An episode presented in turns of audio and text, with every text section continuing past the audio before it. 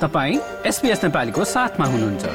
अरू रोचक सामग्रीहरूका लागि SBS dot com dot slash Nepali जानुहोस्।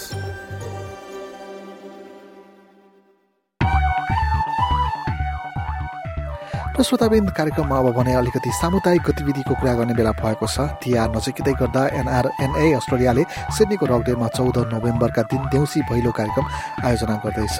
किङ स्ट्रिटमा हुने कार्यक्रम बेलुकी पाँच बजे सुरु हुने बताइएको छ। देउसी भैलोको कुरा गर्दा चाहिँ ताजमनियामा पाठशालाले पनि बाह्र नोभेम्बरका दिन कोसग्रोभ हाई स्कुलमा देउसी भैलो खेल्ने कार्यक्रम राखेको छ। यसै गरी एनआरएनए अस्ट्रेलियाकै पहलमा डायबिटिज रोग सम्बन्धी कार्यक्रमको पनि आयोजना हुँदैछ। सेन्ट जोर्ज लिग क्लब सिडनीमा बिहिबार नोभेम्बर नौ तारिकमा उक्त कार्यक्रम हुने बताइएको छ। यसै गरी महाकवि लक्ष्मीप्रसाद देवकोटाको एक सय चौधौँ जन्म जयन्तीको अवसरमा अन्तर्राष्ट्रिय नेपाली साहित्य समाज क्विन्सल्यान्ड च्याप्टर अस्ट्रेलियाले रचना वाचनको कार्यक्रम गर्न पाएको छ। Mitchelton library thirty seven Heliopolis parade Mitchelton क्विन्सल्यान्डमा शनिबार नोभेम्बर एघारमा दिउँसो एक बजे उक्त कार्यक्रम हुने बताइएको छ। यसै गरी माइन्डफुल मित्र टिमले लागु औषध जाँट रक्सी जस्ता कुलतबाट छुटकारा पाउनका लागि अनलाइन कार्यशाला गर्दैछ। छ नोभेम्बरमा दिउँसो एक बजे सुरु हुने कार्यक्रम इच्छुक सबैले सहभागिता जनाउन सक्नेछन्। यसै गरी नेपाली समुदायलाई नै लक्षित गरी mental health first aid training हुँदैछ। भिक्टोरियामा बस्ने विद्यार्थीहरू लक्षित कार्यक्रम यही नोभेम्बर महिनाको अठार र उन्नाइस तारिकमा आयोजना हुँदैछ। त्यसै गरी सिडनीतिर बस्नुहुन्छ भने चाहिँ यसै महिनामा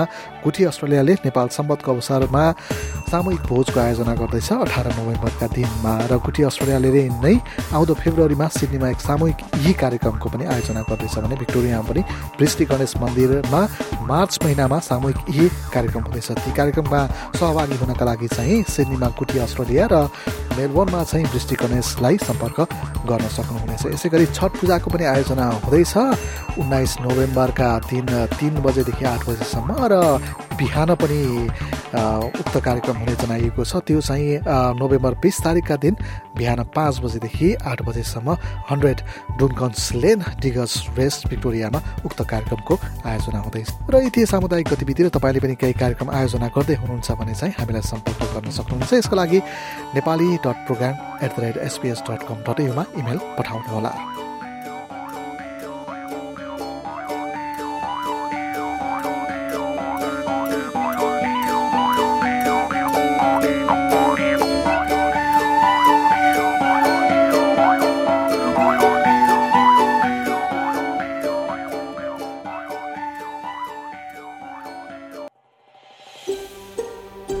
यो जस्तै अन्य प्रस्तुति सुन्न चाहनुहुन्छ?